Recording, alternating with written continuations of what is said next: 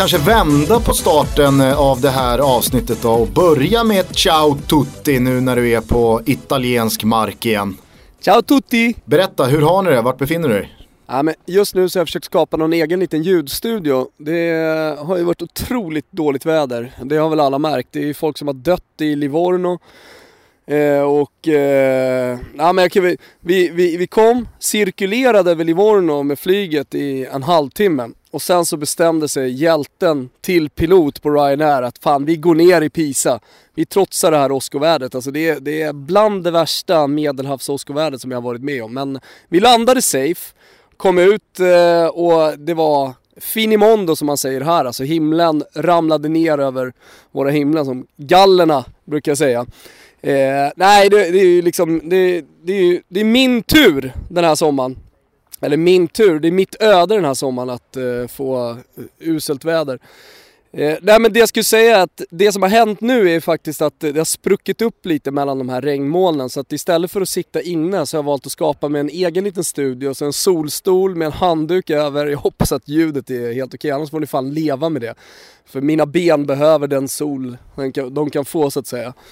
Eh, nej men så nu är jag installerad här, jag ligger alltså, jag, jag vinklar upp lite här handduken som jag har bredvid mig. Och precis här, tre meter bort så är det vinrankor och en liten olivlund. Någon, någon eh, lokal bonde som gör sitt eget vin. Som vi ska gå och testa efter vi har spelat in den här podden. Eh, mycket trevligt är det. Är det nu du ska hämta hem den eh, misslyckade hallonkrämsommaren i skärgården? Ja men det är väl lite det som är tanken. Men det kan jag säga, alltså personligen så bryr jag mig inte även om det verkar som det så bryr jag mig inte så mycket om vädret utan vädret är ju till för barnen. Och är barnen glada så är jag glad. Eh, och nu kan de bada i poolen som vi har här och alltihopa och då, ja men det är ju så när man är förälder. Alltså egentligen så är det lite skitsamma, alltså bara barnen har det bra då, då, får, du, då får du det helt okej okay själv, då får du harmoni.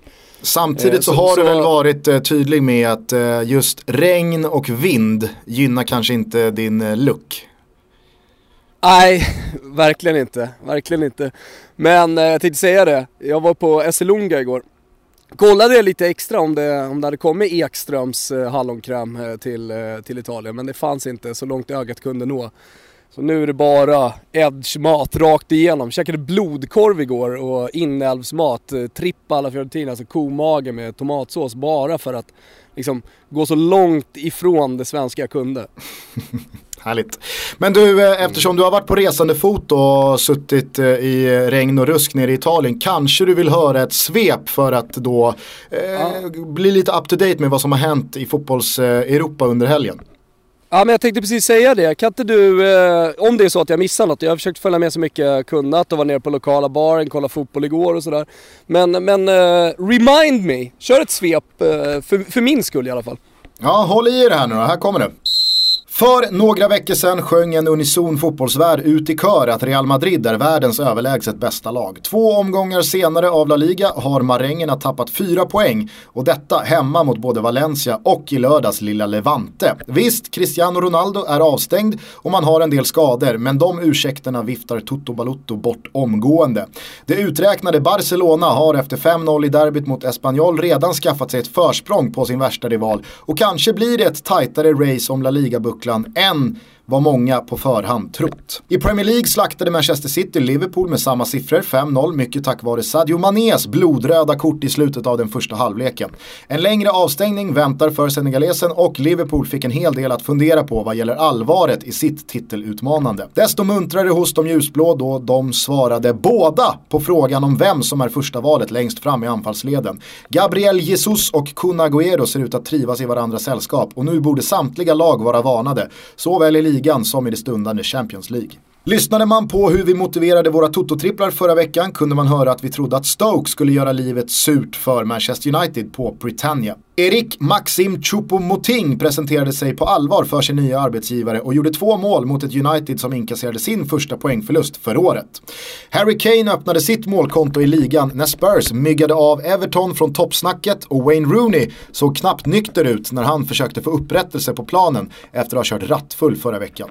I Italien regnade Sampdoria Roma bort men Lazio lyckades i alla fall tämja vågorna och köra över Milan i en regnig huvudstad. Nu höjs röster om vad Milan egentligen fick för sina 2 miljarder kronor i somras. Inter fick en VAR-straff och tog en ny trea mot Spal och Juventus vann planenligt hemma mot Kievo. Napoli fortsatte att imponera offensivt borta mot Bologna och den till hälften av svenskar bestående backlinjen hade en tuff andra halvlek när de ljusblå gick ifrån till 3-0. I Tyskland gick Bayern München på pumpen borta mot Hoffenheim och en redan pressad Carlo Ancelotti kunde konstatera en bedrövlig insats från de regerande mästarna. Vad händer i Bayern?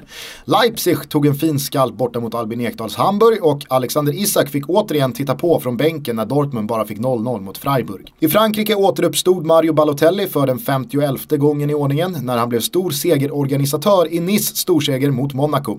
Men mest uppåt var det givetvis i PSG ännu en gång. Ännu en lyckad Debut för en stjärnvärvning när Kylian Mbappé fick bästa tänkbara start bredvid Neymar och Edinson Cavani. MCN har fransk media redan börjat kalla dem. Och det är ju inte en så liten passning till Barcelona och deras forna trio MSN. Vi avslutar i Allsvenskan där AIK spelade 1-1 mot Johan Wieland. Ja, så såg verkligen Stockholmsderbyt ut. Men det tror jag Bayern bryr sig mindre om idag när man genom den bärgade poängen kan titulera sig som segrare i den interna derbytabellen för året. Malmö FF tappade en ledning till förlust borta mot Örebro och har nu blott en poäng på de tre senaste omgångarna. Ny tvåa är Häcken som stod för en imponerande insats borta mot Halmstad, segrade 3-0 och skickade HBK en bra bit närmare superettan. Och på tal om superettan så tog Gävle en livsviktig seger hemma i bottenmötet mot Norrby. Underläge 0-2 slutade i eufori då Bayram Ajeti, Sveriges Arnautovic gjorde två mål och vände på steken. Det första kostade honom ett gult kort för firandet och det andra gav honom ett rött kort. Arnautovic var det. Ja men fan vad härligt. Eh, ja, men det första jag skulle vilja reagera på är det som hände i Tyskland, alltså med Bayern München då som eh, har hamnat i en sån här liten minikris i inledningen på säsongen och framförallt då med tanke på att Lewandowski som är storstjärna har uttalat sig negativt kring Bayerns värvningar i sommar. Det är ju ofta det händer ändå nu för tiden att de här stora spelarna, även i de största lagen, nyckellirarna, börjar klaga lite när man ser andra lag värva. Och jag tror att han har tittat mot till exempel PSG och sett att de har tagit in Neymar. Eh, ja men City som värvar stort och, eh, och så vidare. Samtidigt som Bayern sitter ganska lugnt i sin båt på någon slags Real Madrid-vis. Och ja men jag, jag, jag såg att bayern ledningen i alla fall röt ifrån ganska rejält mot eh, Lewandowskis kritik. Han ska ju så, såklart, tycker jag, hålla käften och spela och hedra liksom eh, hedra sitt kontrakt på något sätt och, och att han är en bayern spelare Han har ingenting med deras, eh, deras värvningar att göra och speciellt inte så här i inledningen på en säsong att redan börja kritisera klubben. Jag tycker att, ja men fan det klingar lite illa. Det, det, det, det är som en slags första rop på att man vill bort från klubben också.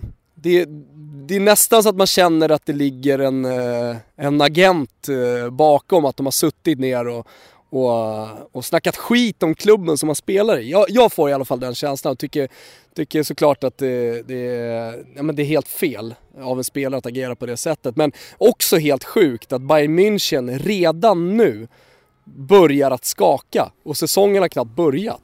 Alltså det, det, man kan, det man kan ställa sig frågande till i Lewandowskis då interna kritik är ju att eh, det, det, faktiskt har värvat. Alltså man har plockat in Tolisso, man har plockat in James Rodriguez, man har plockat in eh, eh Sebastian Rudi.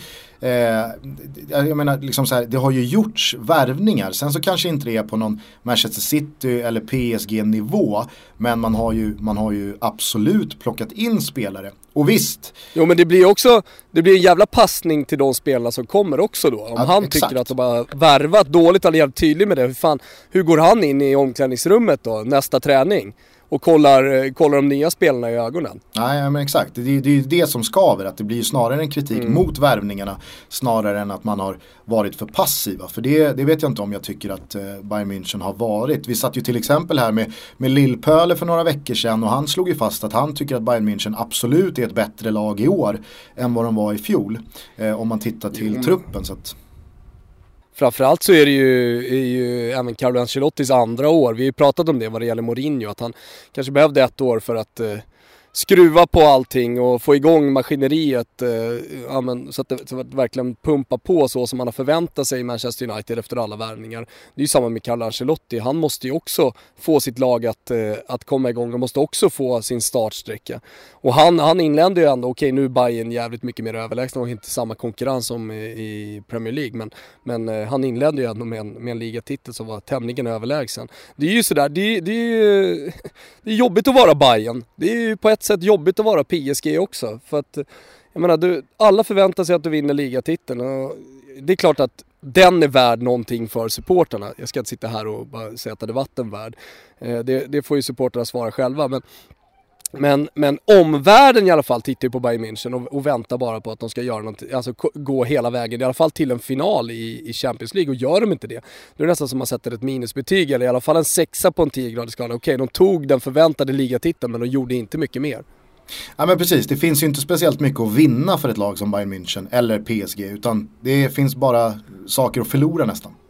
Nej, ja men exakt. Nej men annars, eh, jag skulle vilja stanna till då bara i Allsvenskan innan vi kastar oss över Premier League också som har hur mycket intressant som helst eh, i, i helgen. Eh, derbyt eh, AIK, AIK Hammarby vart ju otroligt glad när min svärfarsa som är stor Djurgårdssupporter drog upp sin telefon, för jag testade via min app att, eh, att kolla på matchen, men den är ju då Sverigeskyddad så det gick inte att kolla här i Italien. Då kör han upp simor appen och den funkar där. Av någon konstig anledning. Jag hade min, min tv-bolags eh, app, men i simor appen så, så funkar det utan att köra VPA-tunnel och grejer. Så att vi kunde ju då sitta på en liten trattoria i den här byn vi bor i och, och kolla på derbyt oerhört trevligt att beställa in en eh, grappa samtidigt som barnen lekte och, eh, och mysa, mysa kring det. Och du sa ju det, det var ju, det var ju AIKs oförmåga att göra mål, eller som du eh, uttryckte det, det var AIK mot Vilan. Men, men jag skulle snarare vilja säga oförmåga att göra mål. Eh, för så här har det sett ut för AIK hela säsongen. Man har haft ruggiga problem, man har bara gjort, vad är det nu, 26-27 mål va Gusten? Ja, om ens det va? Någonstans där. Ja, om ens det. Men, eh, men, och det är ju lätt att säga det liksom att Vilan gör en stor match. Eh, jag såg att eh, några av de mer profilstarka AIK-twittrarna var inne på liksom att det var, det var en eh, spelmässig slakt och, och, så vidare. Men, men det hjälps inte alltså. Jag skulle, vilja, jag skulle vilja luta mig tillbaka mot Alexander Axéns turprat. Alltså, nu, nu pratar inte alla bara om tur, nu har vi vilande mot och sånt också. Men, men att landa i AIKs eh, nej men dåliga tredjedel. Alltså visst, de kommer till lägen men de måste sätta dem. Eller hur? Ja, verkligen. Alltså det, det, det saknades ju inte möjligheter för AIK att vinna den där matchen ganska bekvämt. Nej, jag vet och, och det, det, jag, jag förstår liksom på ett derbysätt och med den stora antagonismen mot Hammarby att, att folk ändå, alltså att AIK ändå då vill aik försöker säga att de vann den spelmässiga matchen och sånt där. Men vad fan, jag tycker inte det hjälper. Det är 1-1 eh, mot Hammarby och det är oförmåga att göra mål. Det, det, det, det, det är dåligt. Mm.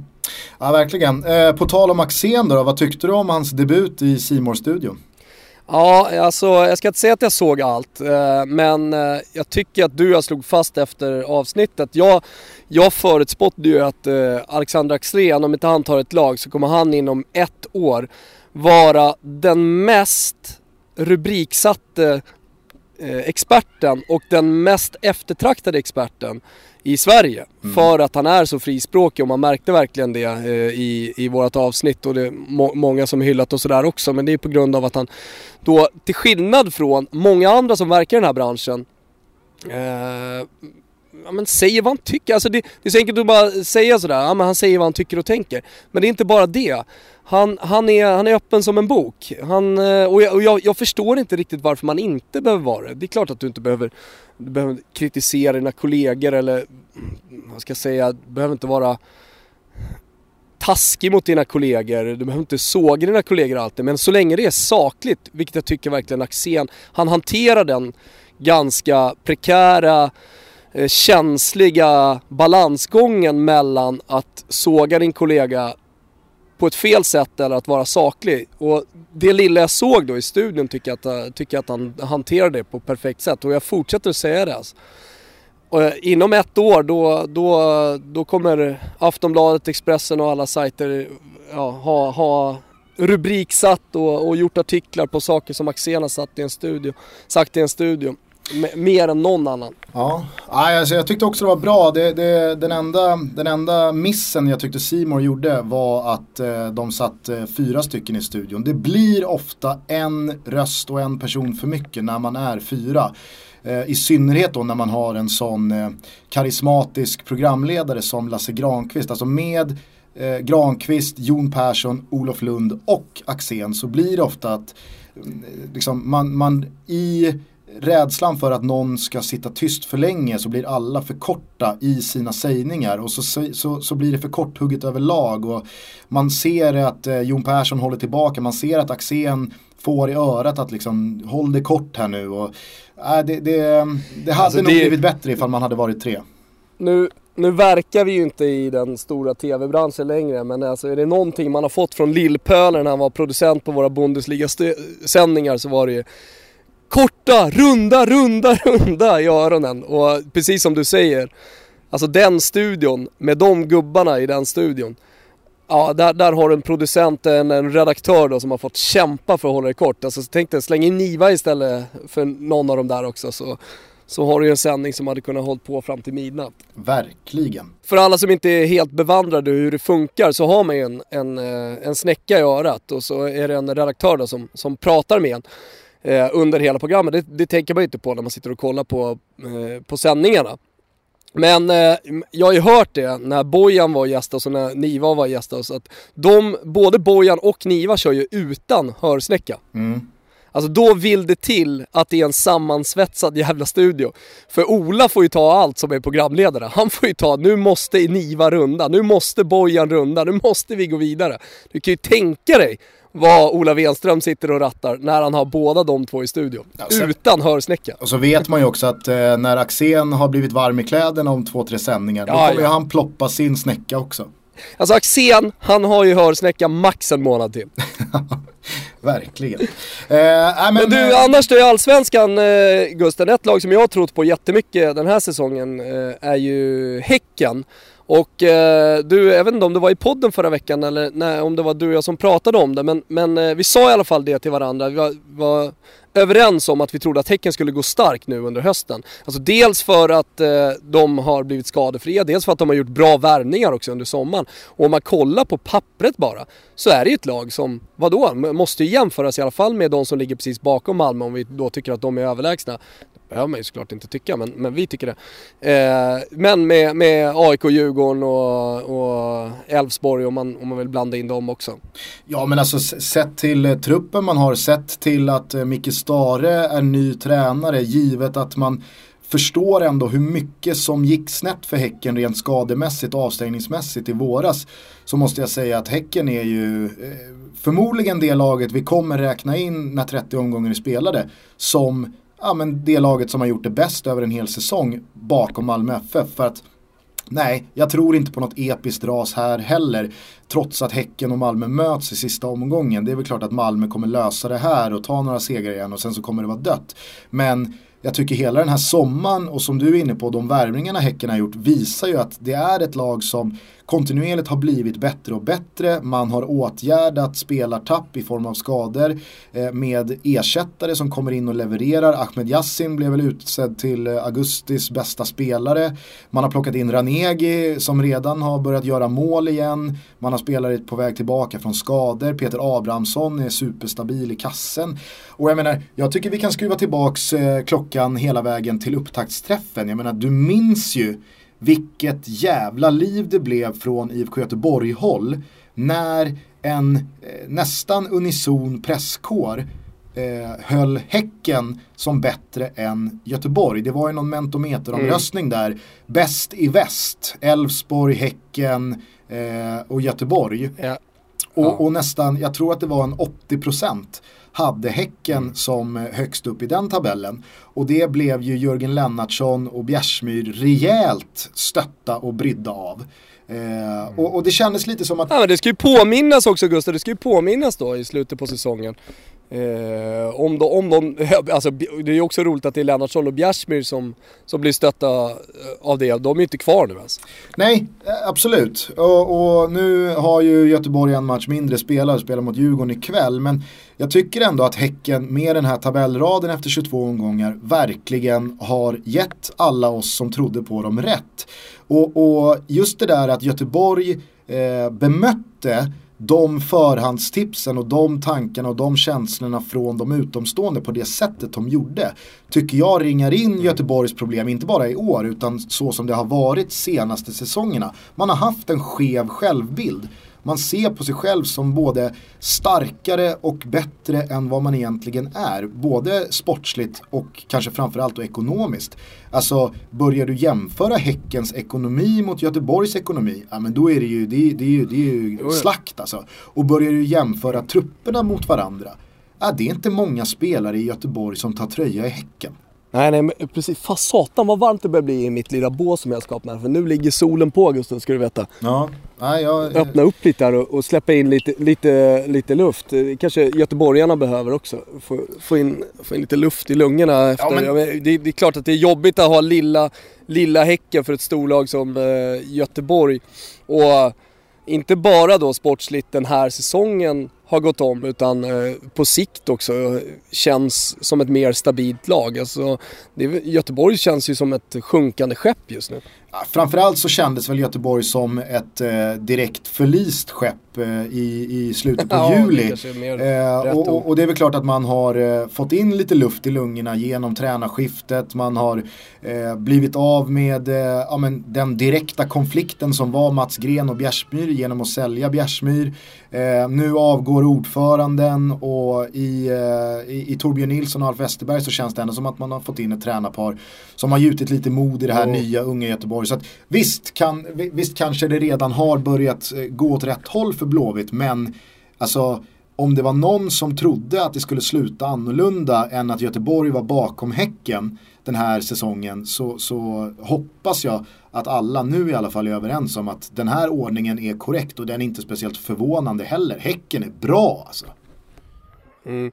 Men jag tror, jag tror också Eh, du pratar ju om Östersund och vinna allsvenskan inom tre år. Jag tror också att vi kommer komma till ett läge, jag vet att vi har varit där och eh, experter, eh, experter touchar, touchar det också, men, men, det börjar bli läge för Häcken att vara med i en titelstrid snart hela vägen in på målsnöret. Alltså, det är en sak med hedrande tredje och fjärde platser men om man, om man, alltså man, man fortsätter ju att sikta och Stare sa ju det också att de, de, går ju för att utmana Malmö och de andra lagen som är i truppen. Men alltså, det, det är ju den här vårsjukan som många lag verkar lida av och det är ju det som har gjort att Malmö så överlägset att de vann de matcherna. Nu är det ju ingen som kan ta ifatt det där. Och, men men det, det gäller inte bara AIK. Det, det, det, gäller inte de här lagen som precis har börjat bygga, typ Djurgården också, som, som, som känns som att de har startat en ny era just nu. Utan eh, det, det gäller för all del Häcken också. Det, det, går inte att tappa så mycket som man gör på våren. Nej. Nej, verkligen. Det är nog eh, ett par lag som går in i 2018 med den vetskapen och nog förmodligen kommer förstå allvaret redan från omgång ett. Att eh, tre poäng är lika mycket värt där som det är nu. Hörni, eh, grattis alla ni som eh, ryggade min Toto-trippel i helgen. Den satt ju som berget, det var ju aldrig eh, oroligt. Eh, skämt åsido, Gävle löste ju det där på övertid så att eh, det var skönt. Du hade återigen lite stolpe ut, två av tre, men Toto-trippen fortsätter generera deg till er som ryggar och vi sätter folk på allsvenska läktare. Så att eh, rygga tripplarna som kommer till helgen. Vi ska istället den här eh, dagen presentera lite boostade odds inför Champions League-säsongen som nu stundar. Eh, Topdog eh, Christian Polsäter har hjälpt oss med att eh, boosta fyra stycken långtidsspel. Och eh, om vi börjar med dina Thomas så har du till att börja med Edinson Cavani att bli bäste målskytt i gruppspelet till tio gånger. Ja men exakt, alltså, för det första så tycker jag att han är fortfarande på något konstigt jävla sätt underskattad. Jag kommer ihåg, det var ju lite debatt i fjol precis när franska ligan hade börjat. Jag kommer inte ihåg vem som startade. Men eh, om, alltså att han är målsumpare, alltså han har han är fått tyvärr då, tycker jag, eh, lite oförtjänt eh, det epitetet över sig att han ska liksom sumpa mer mål än någon annan. Men eh, ja, alla som följde hans säsong i fjol vet att eh, han är otroligt vass. Han har också börjat eh, året här, hösten på, på, på bästa sätt. Och kollar man gruppen, jag tycker det är nästan det viktigaste. Jag ville ha en, Alltså dels tittade jag på Edison Cavani som vinnare och så bakom Messi och Ronaldo om man tänker att de två skulle gå ifrån. Det måste man ändå någonstans göra. Eh, så tyckte jag att han var mest intressant. Men sen så började jag kolla på gruppspelet och så hittade jag, ja men jag tycker att PSG borde kunna göra jävligt mycket mål. De har väl Celtic och de har eh, Eh, Anderlecht. Anderlecht ja, precis. Det är två matcher som passar eh, Edison Cavani helt perfekt. Dessutom ska man inte roteras, de har egentligen ingen riktig nummer nio att, eh, ja, men, men någon i hans klass, är det Champions League så, så kommer, han, kommer han spela. Så att, eh, tycker, tycker tio gånger pengarna faktiskt känns högt, det får man väl tacka Polsäter för. Ja, det måste jag verkligen skriva under på. Sen har du eh, att eh, Manchester United ska gå längst i Champions League av Premier League-lagen. Ja, det är väl nog Mourinho år jag tänker. Jag tänker lite Inter sådär. Nu kryssar de i helgen mot Swansea men de kommer såklart vara med i toppen. Eh, alltså är det någon som kan det här med rotationen? Är det någon som kan vinna flera titlar under en säsong så, eh, som verkligen har bevisat det så är det ju så är det Mourinho. Eh, och det är klart, alltså det är väl lite Pep Guardiola och Manchester City emot. I alla fall så här eh, efter en månad så, så är det så det känns. Men jag tycker ändå, jag, ty, ja, men jag, jag, jag, litar lite på Mourinho här. Jag, jag, tror att han kommer, han kommer ta det här lite längre. Mm. 3,75 får man på att Manchester United blir det engelska lag som går längst i Champions League. Också ett eh, ganska så trevligt spel får man verkligen säga. Jag då, jag har rekat ut att eh, allas våran älskade utrikeskorrespondentens lillebrorsa Sam Larsson ska göra över 1,5 mål i gruppspelsfasen. Sam debuterade ju i eh, lördags borta mot Herakles och gjorde ju det med den äran, blev eh, målskytt.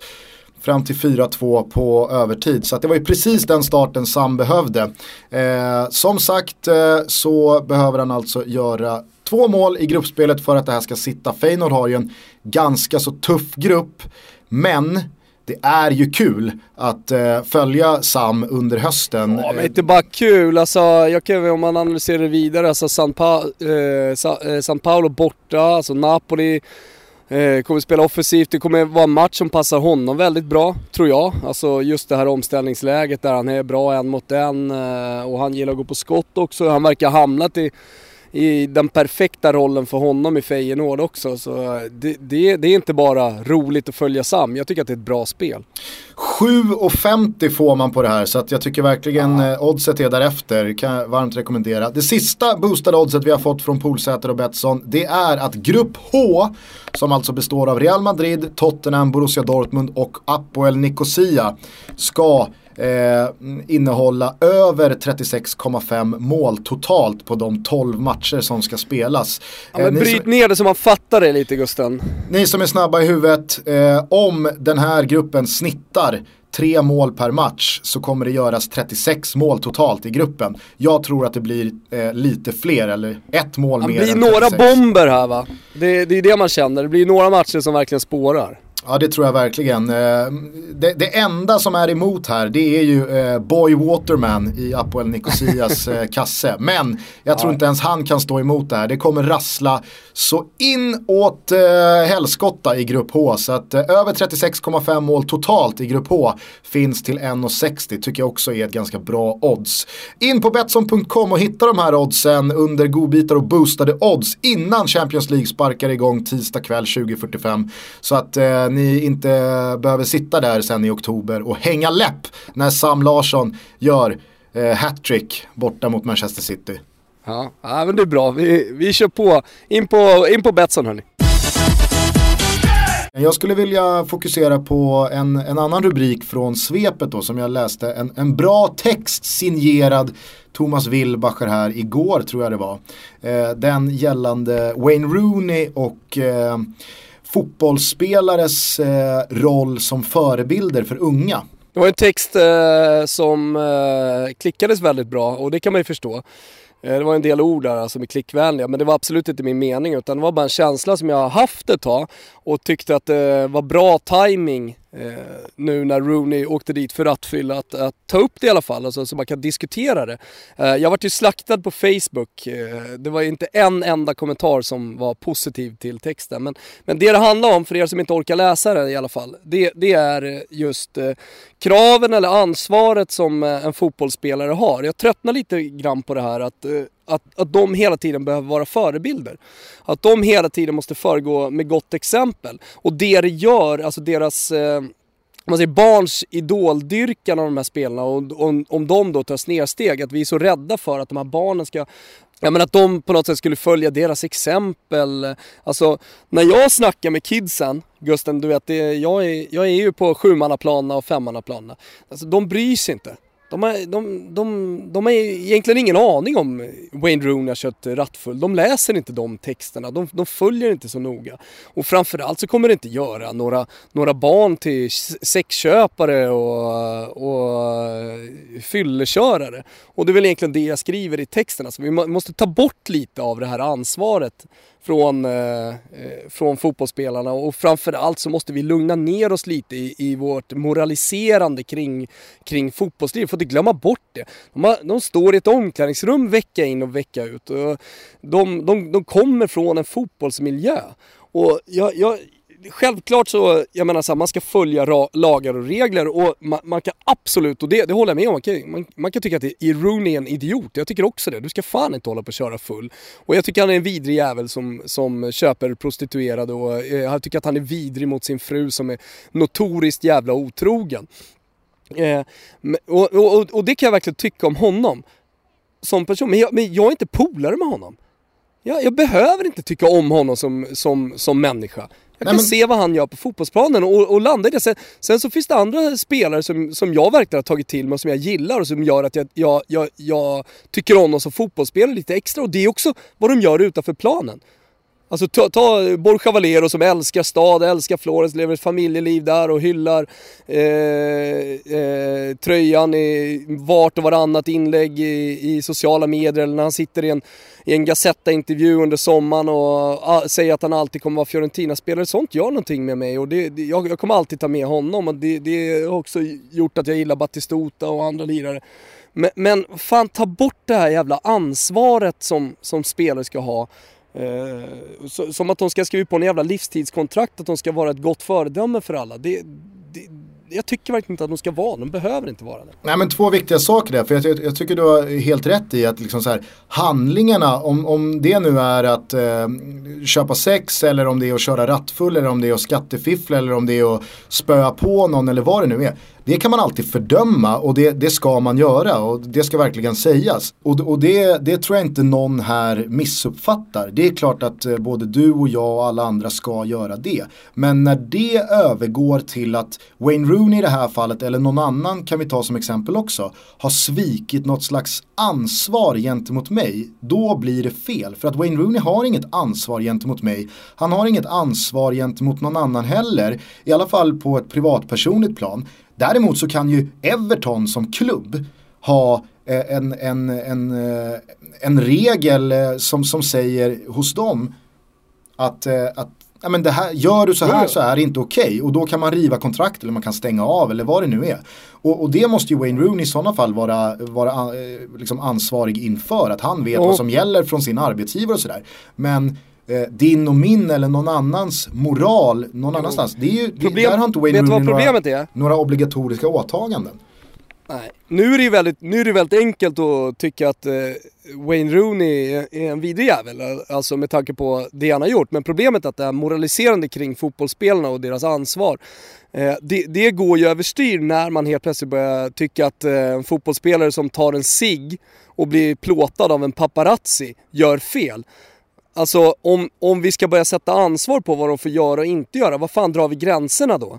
Det är det, det, det, är det som jag har så jävla problem med.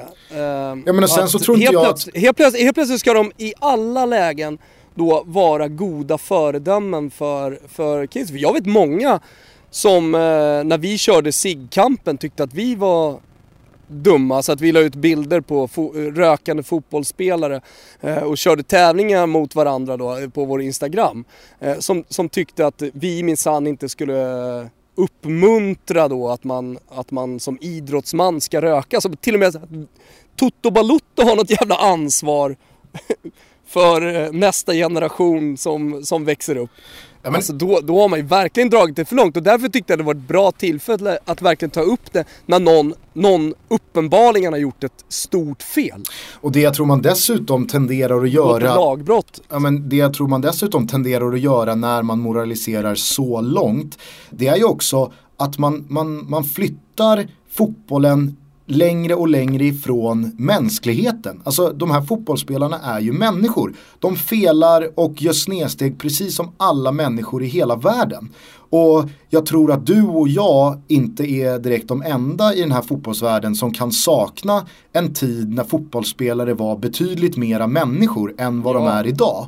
Och då måste man ju också kunna vara så pass nykter, nu blev ju det en liten wordplay i det här inlägget då, men man måste ju kunna se på hela situationen så pass nykter att man fattar att det finns, ja men det finns ups and downs med det. Jag tar mycket hellre eh, fotbollsspelare, tränare, aktiva inom hela den här svängen som är människor på gott och ont än att alla bara ska bli robotar i Eh, perfekta led. Maskineriet som, på något sätt. Ja, men som aldrig går utanför ramen för att på, då, på, på så sätt tvätta bort det, det olustiga. För då får man ju heller aldrig det lustiga heller. Alltså det, det, det, det är en, eh, Nej, verkligen. Det, en hårfin gräns det där. Och jag, liksom, man måste kunna ta en sig, man måste kunna liksom säga vad man tycker, man måste kunna... Ja men om man vill det. Alltså, ja, så, precis som att... kan ju folk tycka jag, att det är dåligt att röka, eller, eller så, men, men de ska få göra precis precis vad de vill ska de inte få göra. För att jag menar, nu, nu är det lagbrott vi snackar om vad det gäller Wayne Rooney. Men, jo, men, eller så men, måste man men vara vi ska så ge pass... fan i att hålla på och peka finger och, och ställa krav på dem att de, att de ska vara förebilder. Ja, eller så måste du och jag vara så pass konsekventa att vi faktiskt kan säga att ja, men de får göra precis som de vill. Sen får de vara beredda på konsekvenserna och de kan, få, de kan få, få, vara beredda på att en hel fotbollsvärld kommer tycka att de är idioter eller de kanske till och med hamnar på kåken eller de eh, blir av med sina kontrakt eller vad det nu är. Men de måste ju kunna få ta de besluten själva utan att någon annan ska mm. tala om för dem vad de har för ansvar.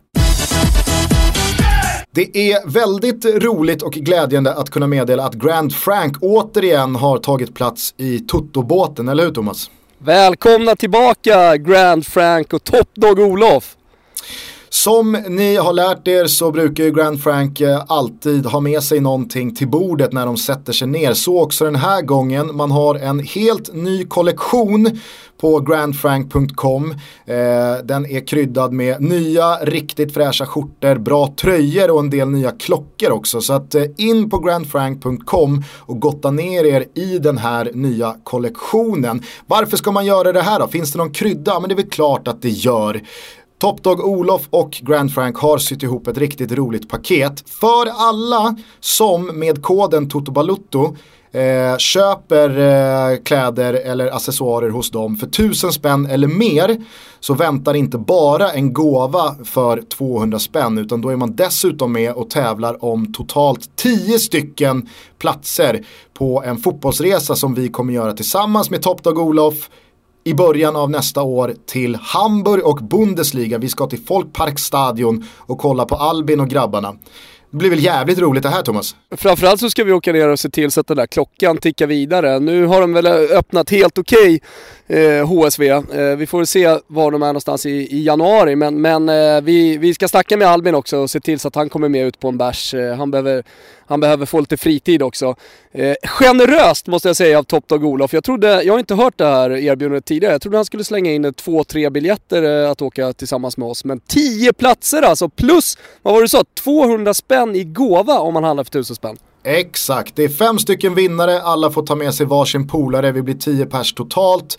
Vi ska åka och se Hamburg och jag drar väl då förutsättningarna igen. Under september månad så ska ni handla på grandfrank.com för tusen spänn eller mer. Då bjuder Grand Frank på en gåva till ett värde av 200 spänn och man är alltså med i utlottningen om platser till den här Hamburgresan. Glöm för guds skull inte när ni gör ert köp att klicka i koden TOTOBALUTTO. Det är det mm. som gör ert eh, deltagande i tävlingen valid så att säga. Grandfrank.com, ny kollektion, hamburgerresa i potten, shoot! Grande Top Dog! Vi är fortsatt sponsrade av Refunder Gusten och det är skitkul. Eh, Refunder som eh, alltså är ett företag som har samlat en massa olika nätbutiker och det är ju stora företag, det är alla typer av branscher. Det är allt från eh, resor, alltså typ hotels.com eh, till bara ren skär eh, teknikshopping. Och eh, vi, vi, vi har då fått ett specialerbjudande på Toto Balutto som gäller alla er lyssnare. Om ni går in på refunder.se slash totobalutto så får ni en gåva på 50 kronor eh, när ni gör ert första köp. Och eh, ja, det här handlar egentligen eh, om att de ger tillbaka pengar för att de har gjort en deal tillsammans med alla de här olika företagen. Det kostar ingenting att signa upp, det är det som är så bra. Det är väldigt enkelt, ta någon minut.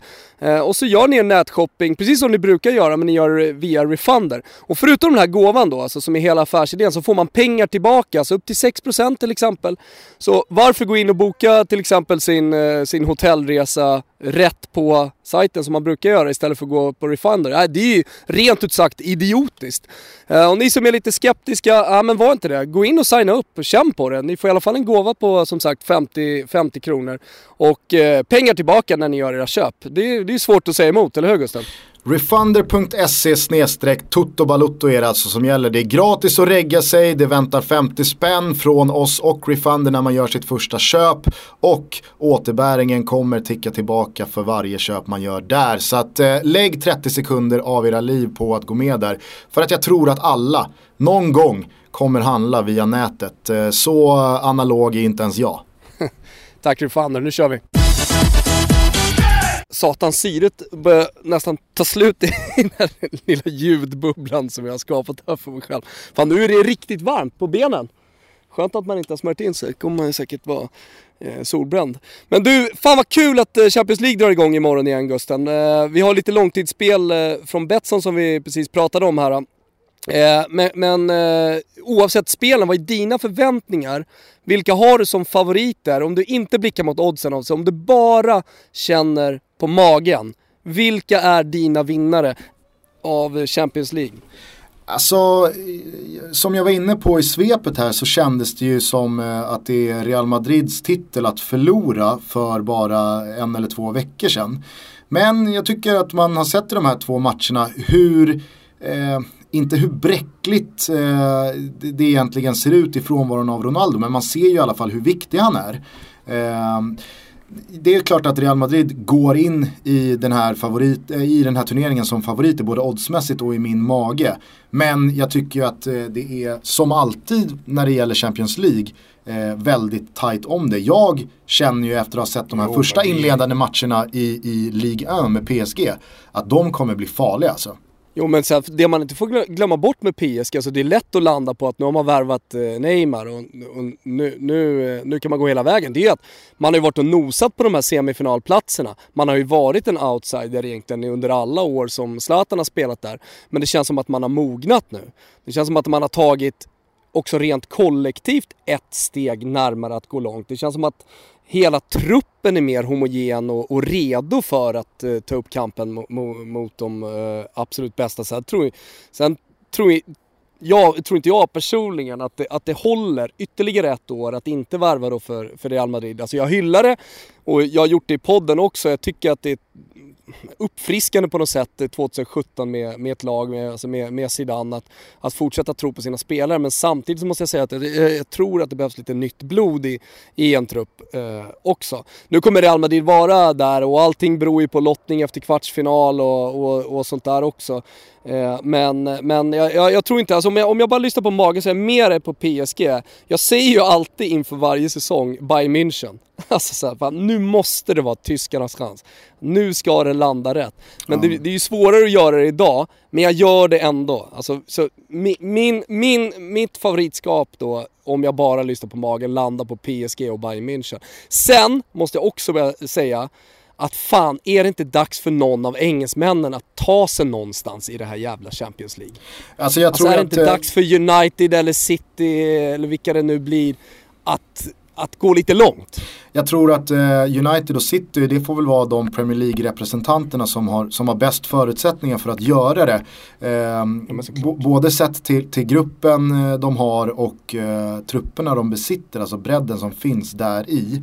Eh, men det, det jag tror som talar för PSG i det här fallet och som talar emot Premier League-lagen det är att PSG känns ju som det laget initialt som har lättast liga att städa av jo, fram till men våren. Det är det, man alltid, det är det kortet man alltid drar med Bayern München. Alltså när det börjar bli tajt där med matcher i mars-april och det börjar bli slitna trupper och kanske skador. Ja men då, då kan Bayern München mer eller mindre rotera bort sina matcher för de har redan vunnit ligan. Ja. Eh, och det är ju ännu tydligare numera i, i ligan med tanke på hur överlägsna eh, Paris är och kommer vara. Alltså det kan ju till och med bli så att det alltså blir ett rekordår för PSG.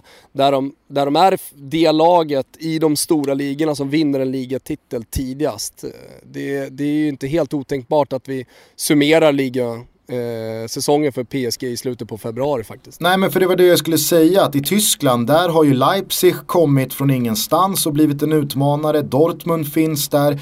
Lag som Schalke, Mönchengladbach, eh, Hamburg, eh, Leverkusen Alltså det finns ju hur många som helst som alltid kan störa Bayern München i match till match. Mm. Så att jag tror att de har en tuffare ligasäsong att vänta än, än, äh, än vad många tror. Framförallt så är den tuffare än PSGs. För där har det ju snarare blivit tvärtom. Monaco har tömt sig på 3-4 äh, toppgubbar och blivit sämre.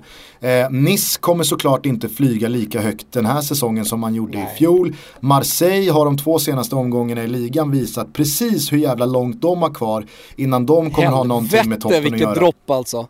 Ja, och... Helvete med OM. Och vad, och vad har de hämtat in för att råda bot på det här? Jo, bluffen kostas Mitroglou. Så att eh, det, det, det, det, här kommer inte bli någon ändring. Och sen så ser vi ett Lyon som inte heller kommer kunna upprepa fornstora dagar. De har också tappat några av sina bästa spelare. Så att PSG har ju fått en lättare resa ligamässigt eh, än, än några ja, det, jag andra. tror att alla håller med om det. Men vet du vad jag tror med årets eh, Champions League?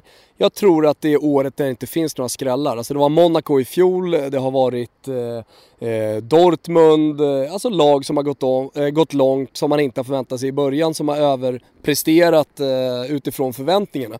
Men jag tror att i år då blir det året när det bara är storlag i kvartsfinaler.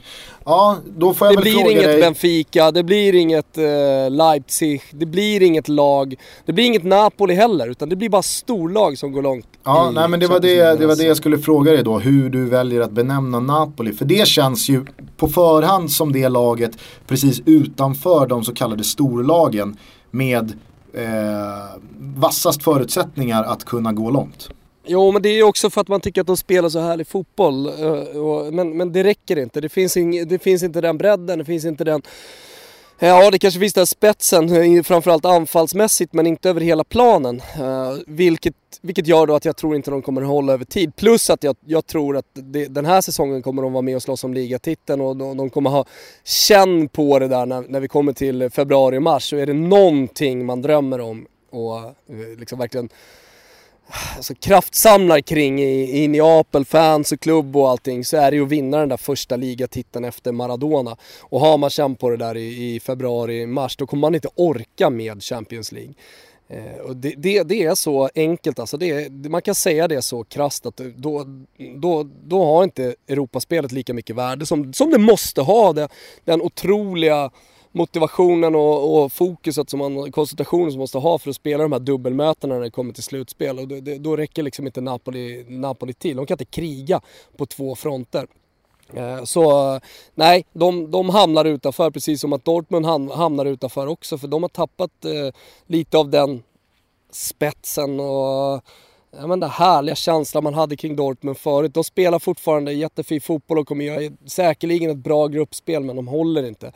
Eh, och framförallt då så, så, så, tror jag på att de engelska lagen kommer kunna vara med och, och hota för första gången då på, på, på länge. Så de vinner tillbaka lite, ja, men lite, lite ära uh, till, till hela ligan som har fått bli pissad på sig nu några säsonger i och med att de inte lyckas i Europa. Alltså, nu, nu, nu är det dags. Ja, alltså personligen så tror jag att eh, vare sig Liverpool eller Tottenham kommer eh, ta sig speciellt långt. Men absolut så... Ja men det är så, samma som med Napoli. Ja, nej, men eh, jag kan ju absolut hålla med dig om att eh, Chelsea United och kanske framförallt Manchester City sitter inne på trupper och kanske också krav från sig själva att, att, eh, de ska ta sig ganska långt. Men Vet du eh, vilket lag vi eh, tillsammans med många i den här fotbollsvärlden återigen då liksom inte ens nämner?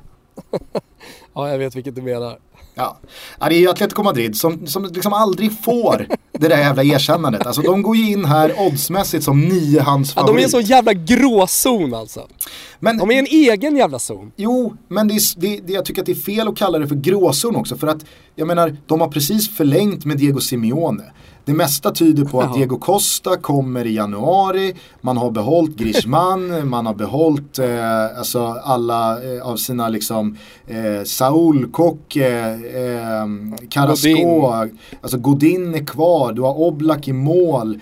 Det, det, det ja. finns ju liksom, det finns ju ingenting i årets upplaga av Atletico Madrid som tyder på att de ska vara sämre än både liksom fjolårets och förfjolårets. Nej, det, det skulle vara, det skulle vara, det skulle vara eh, Niva-tesen då att arenaflytten har gjort dem sämre men det, det köper jag inte riktigt. Nej, och det är ju alltid en sån här, liksom, det är en svårbedömd faktor. Men visst, man har en tuff grupp, alltså grupp C med Chelsea och Roma och eh, Karabag. Men jag har ju väldigt svårt att se Atletico Madrid missa en av de två eh, första platserna Nej, det, som, som tar det, vidare. Det fattar ju du också Gusten. Det fattar ju du också Gusten, att det är Roma emot. Absolut, och jag skulle nästan påstå att jag välkomnar det. Jag ser gärna att Roma blir eh, trea och att vi, att vi har en härlig Europa League-vår framför oss. Jo men vad fan, hellre en Europa League-vår än äh, åka i åttondelen mot äh, Barca liksom. Alltså det... Jo, jo. Alltså du vill ha vidare Atletico Madrid och att eh, Roma åker ur i, i gruppspelet? Ja, alltså kanske mer tror att det blir så än vill att det blir så då. Men Roma, Roma har ingenting i Champions League att göra. Nej, I, alltså slutspelsplatser. Det, det, är klart att det kan vara roligt att, att få en åttondelsfinal mot ett stort lag men nej. Det, det, det ska vara ruggig flyt med lottning då som ska ta dem till en kvartsfinal. Hur som helst så tror jag återigen då att Atletico Madrid kommer smyga med som någon slags jävla dark horse. Trots att de inte borde benämnas som en dark horse.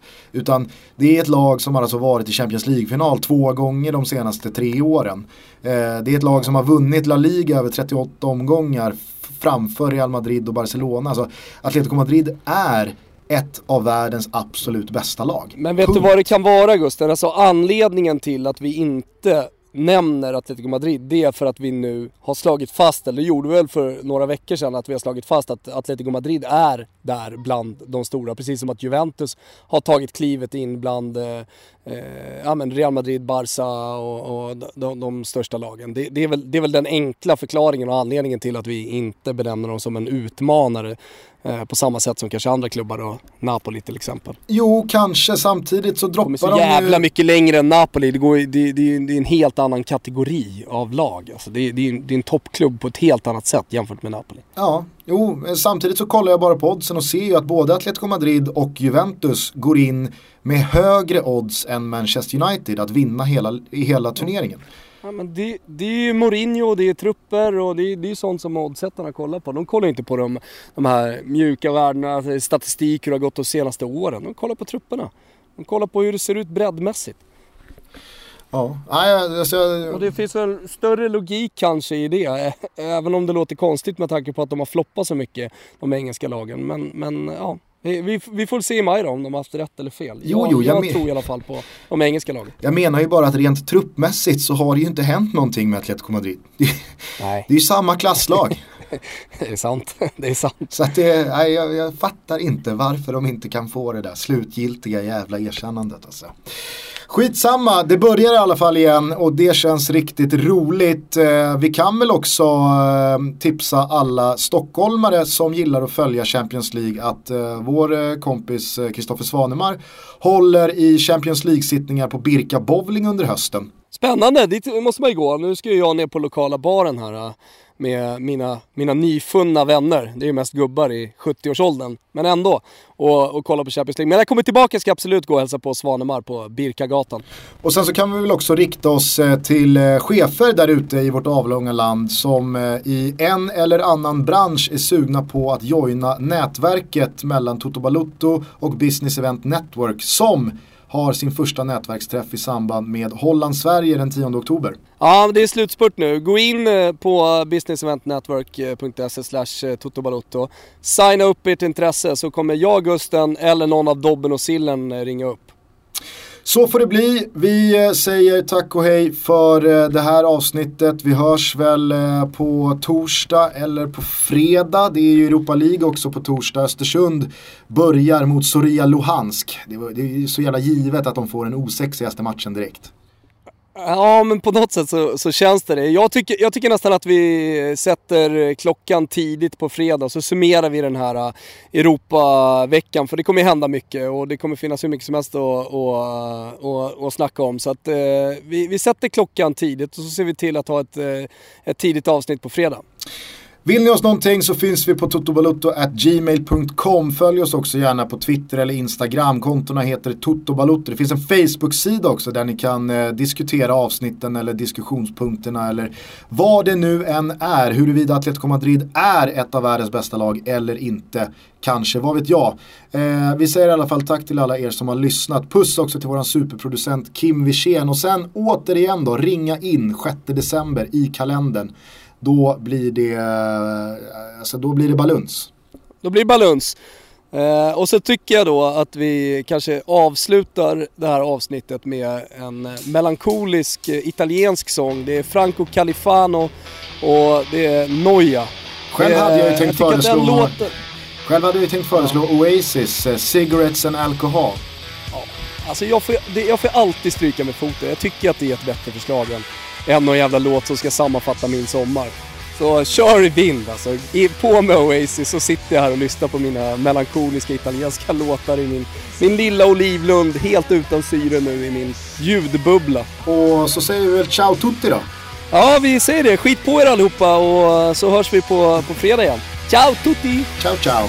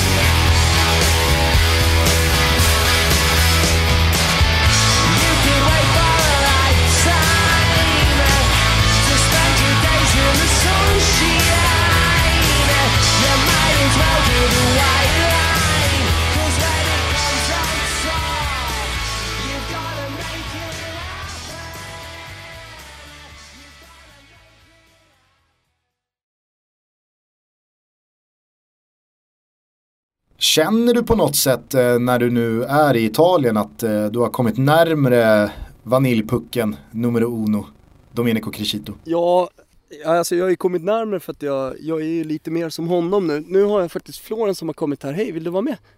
Hej gumman! Och jag är ju själv i, i läget där jag ska ta selfiebilder med hela familjen. Tjena Stella! Det är Toto Balutto, vill du säga ciao tutti? Ciao tutti! Hörru, ska du kanske samla hela familjen och ta en riktigt vaniljig selfie och lägga upp på, på Toto Balutto-kontot? Ställa oss kanske i en olivrund så här, superriggat och, och, och ta en bild. Ja men liksom pu pussmun och, är så här- pussmun och lookaway och hela grejen. Jag låter, jag låter lite hård i avsnitten men nu, nu, nu hör ni hur jag låter. Hej Florens! Hej Sannos! Det är Domenico, det är Mimmo här. Hej gumman! Är ni hungriga eller? Ja, ni hör också vilken toffel man är. Nu fattar man ju att de är hungriga så nu är det dags att gå ner och laga mat. Ja. Jag är Mimmo nu Gusten! Jag hör det. Pappa, Ja, ska du se vad Vide gjorde? ja. Han gjorde inkast två gånger Ja. så kokosnöten sprack. Åh vad bra. Och sen slog jag den sprang. och, så, och sen gick det sönder helt. Okej, ja men jag kommer då tjejer. Jag kommer. Ja, ni hör ju. Nu tycker jag, att du ska, nu tycker jag att du ska gå ner på gågatan och eh, så tjackar du eh, liksom, eh, fem stycken likadana hattar till dig och hela familjen. Ja, alltså, sen, jag så ni, sen så tar ni en riktigt trött familjebild. Pussmunnar, lookaway, hela skiten och så lägger du upp den på vårt Instagramkonto. Okej, ja, jag gör det, jag lovar. Ja. Vi hörs då. Vi hörs hör. Hej.